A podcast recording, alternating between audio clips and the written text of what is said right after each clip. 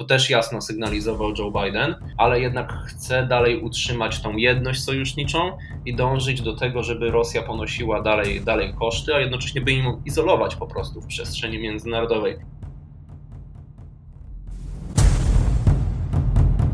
Raport z Ukrainy i rozmowy o Ukrainie na podróży bez paszportu.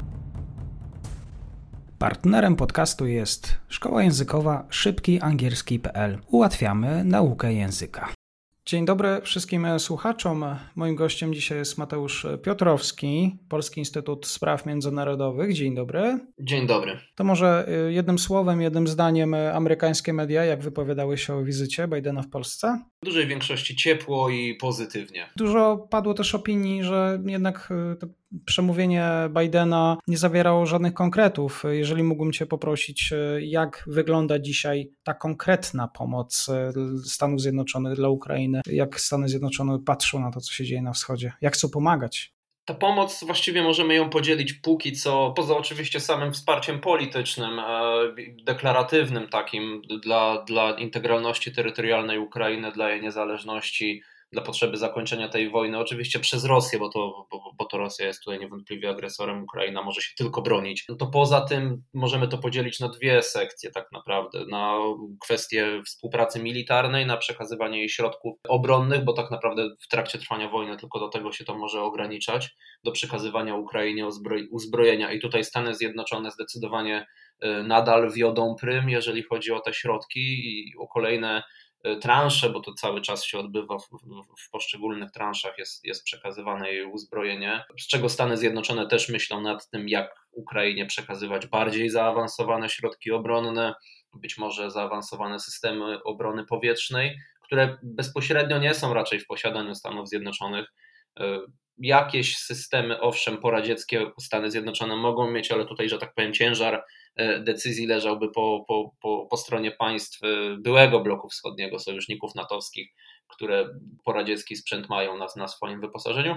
A druga, druga część to oczywiście pomoc humanitarna. Tutaj Stany Zjednoczone także przekazują ogromne, ogromne pieniądze. E, Joe Biden, będąc w Brukseli w czwartek, zadeklarował kolejny miliard dolarów na tą pomoc humanitarną.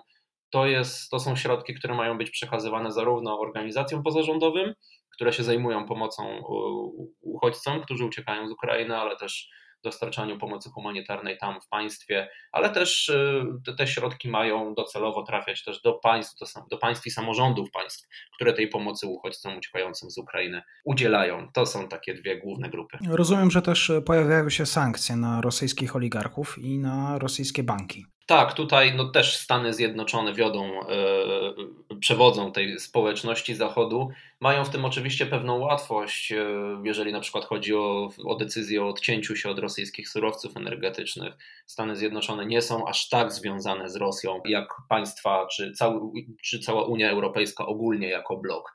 Yy, no ale szczególnie co po niektóre państwa mają, mają te więzi w Europie dużo bardziej ścisłe, jest to trudniejsza decyzja, zarówno w energetyce, jak i jeżeli chodzi o współpracę gospodarczą. Tutaj Stany Zjednoczone w ogóle miały łatwość, jeżeli chodzi o zakaz importu produktów e, z Rosji, czy eksportu dóbr ekskluzywnych do Rosji, bo takie decyzje też zostały podjęte.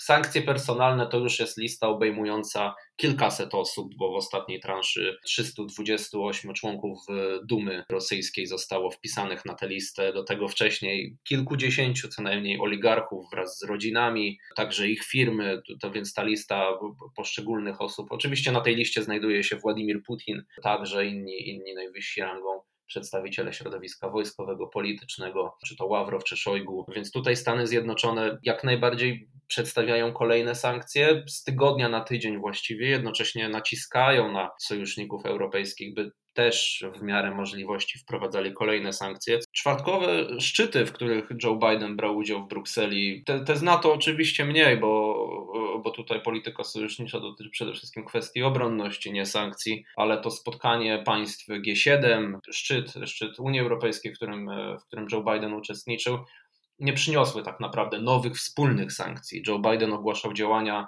e, bardzo, bardzo szerokie, właśnie między innymi to wpisanie e, członków, e, członków Dumy na listę sankcji unilateralnie. To były wyłączne decyzje Stanów Zjednoczonych, takie podjęte wspólnie przez Unię Europejską, i państwa G7 to było przede wszystkim zacieśnienie obowiązującego reżimu sankcyjnego, upewnienie się, że rosyjskie spółki, rosyjskie banki, które są już objęte sankcjami, nie mają e, czy nie będą miały takich furtek, którymi jednak będą miały możliwość e, obchodzenia tych nakładanych sankcji. Tutaj do tego zobowiązały się i Stany Zjednoczone wspólnie z Unią Europejską i pozostałymi państwami G7, więc widać ewidentnie, że Stany Zjednoczone, sam Joe Biden i jego najwyżsi e, członkowie jego administracji napierają na, na, na, na sojuszników europejskich, na Unię Europejską jako taką, by iść dalej, by nie tracić tego momentu politycznego, e, mimo że ta inwazja trwa już i dopiero miesiąc, e, tylko nadal nakładać jak najbardziej kosztowne dla Rosji na środki kary na nią, także na Białoruś, by kontynuować tę polityczną presję. Ona oczywiście bezpośrednio póki co nie wpłynie na to, jakie decyzje dalej będzie podejmować Rosja, jeżeli chodzi o tę inwazję. To też jasno sygnalizował Joe Biden, ale jednak chce dalej utrzymać tą jedność sojuszniczą i dążyć do tego, żeby Rosja ponosiła dalej, dalej koszty, a jednocześnie by im izolować po prostu w przestrzeni międzynarodowej. Ale póki co, no właśnie te konsultacje być może e, pomogą w tym, by, by tą jedność utrzymać w kolej, przy okazji kolejnych jakichś sankcji ogłaszanych, natomiast tutaj, że tak powiem, natychmiastowo, e, jeżeli chodzi o efekt natychmiastowy, to nie za wiele e, to przyniosło. Stany Zjednoczone poszły o krok dalej, ale same. Chciałbym zapytać o, właściwie o sytuację gospodarczą w samych Stanach Zjednoczonych. Mniej więcej ogląd na warunki polskie, europejskie mamy, ale czy to, co się dzieje na wschodzie, w jakiś sposób zaburzyło też życie normalnego, zwykłego Amerykanina? Ukraina też e, nie sprawia, że Stany Zjednoczone przestały borykać się ze swoimi problemami. Co nam też jakby Ukraina przesłanie, jeżeli chodzi o wydarzenia w Stanach?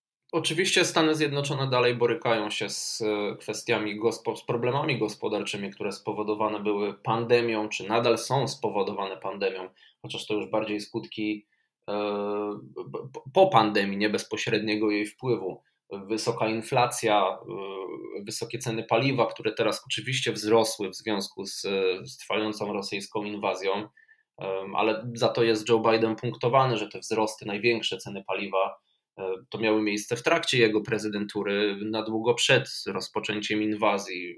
Ta, ta, ta cena za galon, e, czy to ropy, czy to benzyny, rosła wtedy drastycznie, dużo bardziej drastycznie może niż teraz w trakcie tej, e, tej inwazji. Tutaj oczywiście administracja wskazuje na pewne ogólnoświatowe trendy we wzroście cen baryłek ropy związany właśnie z tą inwazją, ale te problemy gospodarcze oczywiście sięgają głębiej, sięgają wcześniej. E, być może dotyczą, właściwie dotyczą tego, że w pakietach pomocowych, które były przedstawiane, one oczywiście dla większości Amerykanów były bardzo potrzebne. Zarówno te jednorazowe środki, które były przekazywane, e, rozszerzenia pakietów socjalnych, opiekuńczych, dodatkowe, dodatkowe środki przekazywane w ramach e, zasiłków, czy to pracowniczych, dla bezrobotnych, pomocowych, jeżeli chodzi o opiekę nad jakimś członkiem rodziny. To wszystko było e, no, wówczas potrzebne, bez wątpienia, natomiast wydaje się, że odbiło się jednak echem na amerykańskiej gospodarce właśnie poprzez inflację. Ta jednak jest wysoka, ciężko sobie z tym poradzić w krótkiej perspektywie. Jednocześnie administracja, oczywiście na rynku wewnętrznym jest E, to nie jest tak, że cała administracja zastanawia się nad tym, jak, e, jak, jak radzić sobie tutaj w przestrzeni międzynarodowej. Poszczególne departamenty skarbu, handlu na pewno myślą o tym, jak sobie radzić z inflacją na co dzień. E, natomiast te najwyższe kręgi polityczne z prezydentem na czele, no jednak tutaj od, od ponad miesiąca właściwie można powiedzieć, że jest jednak uwikłany w tą sytuację międzynarodową. Ciężko się E, mu od tego oderwać. A dla większości Amerykanów konflikt e, w Ukrainie, nie chcę mówić, że nie ma znaczenia, bo tak raczej nie jest. E, amerykańskie media naprawdę bardzo mocno opisują i przedstawiają ten E, ten konflikt, co się dzieje też w państwach e, sąsiednich, choćby w Polsce jest masa reportaży dziennikarzy tutaj będących na miejscu o sytuacji migracyjnej, o tym, że tych uchodźców jest naprawdę dużo, jak Polska i inne państwa pomagają Ukrainie, Ukraińcom bezpośrednio, no bo to często jest pomoc e, międzyludzka po prostu.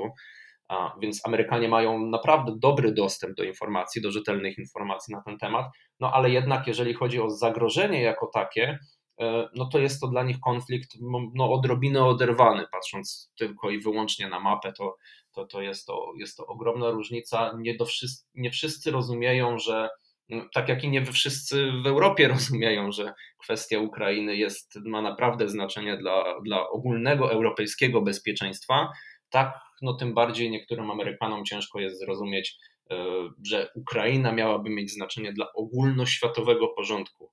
E, Joe Biden w pewien sposób w swoim wystąpieniu zarysowywał ten porządek światowy, poniekąd stary, dobrze znany, ale jednocześnie nowy, e, rysując perspektywę rywalizacji bloku państw demokratycznych z autorytaryzmami, na czele oczywiście z Rosją, Rosją Władimira Putina, bo, bo, bo to ją jako, jako tutaj wroga, wroga wskazywał. No tym niemniej y, nie jest tak, że, że Amerykanie zupełnie nie rozumieją, co się dzieje. Właściwie z każdym tygodniem można powiedzieć, że dostrzegają to znaczenie w coraz większym stopniu. Poparcie dla działań Joe Bidena rośnie, e, jeżeli chodzi o przestrzeń międzynarodową w tym sensie, że jego działania są odbierane dobrze. Nie są oczywiście odbierane świetnie, to jest normalne w systemie dwupartyjnym. E, aktualnie to poparcie rozkłada się mniej więcej po połowie, to znaczy połowa się zgadza z Joe Bidenem, połowa, połowa mniej więcej nie z tym podejściem. Zawsze jest oczywiście za co krytykować. W systemie dwupartyjnym wydaje mi się, że jest e, to normalne, to znaczy Joe Biden idzie ścieżką zgodną e, z podejściem ogólnym swojej partii, popierają go wyborcy no właśnie Partii Demokratycznej, być może też jacyś inni, bardziej centrowi. Natomiast Republikanie, no generalnie widać, że jeżeli chodzi na przykład o kwestię przekazywania uzbrojenia Ukrainie, woleliby, by Stany Zjednoczone robiły tutaj więcej by na przykład zgodziły się na ofertę Polski, tą dotyczącą przekazania e, myśliwców Ukrainie, by nie zastanawiać się tak długo, co robić bardziej efektywnie, tylko, tylko po prostu przekazywać te, to uzbrojenie z dnia na dzień wzmacniać zdolności obronne Ukrainy. Jeżeli chodzi z kolei na przykład wystąpienie Bidena w Warszawie, no to oczywiście został przez republikanów skrytykowany za to sformułowanie e, dotyczące tego, iż Putin no, nie może pozostać u władzy. Republikanie jednak odnoszą się do tego jako sugestia, że, sugestia Bidena co do zmiany reżimu w Rosji. Ja akurat rozumiem, że, że republikanie chcą krytykować Bidena E, za, za, to, co, za to, co mówi, za to, co robi. To no, w systemie dwupartyjnym jest to niezwykle łatwe. Jednocześnie w listopadzie są wybory połówkowe do kongresu, także kampania e, no, już się zaczęła, tak to trzeba nazwać. Tym niemniej wątpię, by Biden miał faktycznie takie intencje, formułując to stwierdzenie, bo to w ogóle nie idzie w parze ani z jego ideologią politycz, polityczną, ani w ogóle z, z wartościami, które demokraci jako partia E, wyznaje, już nie wchodząc w szczegóły, w jakim miejscu konkretnie teraz demokraci się znajdują, e, to byłoby całkowicie sprzeczne. Wydaje mi się, że to miał być raczej sygnał tego, iż z Rosją Władimira Putina Stany Zjednoczone po prostu nie mają zamiaru współpracować, że to nie jest partner e, w przestrzeni międzynarodowej, nie będzie powrotu do tego, co było wcześniej, co było przed inwazją. Komentarz Mateusz Piotrowski, Polski Instytut Spraw Międzynarodowych, Ukraina i sytuacja wewnętrzna w Stanach Zjednoczonych. Bardzo dziękuję. Dziękuję uprzejmie.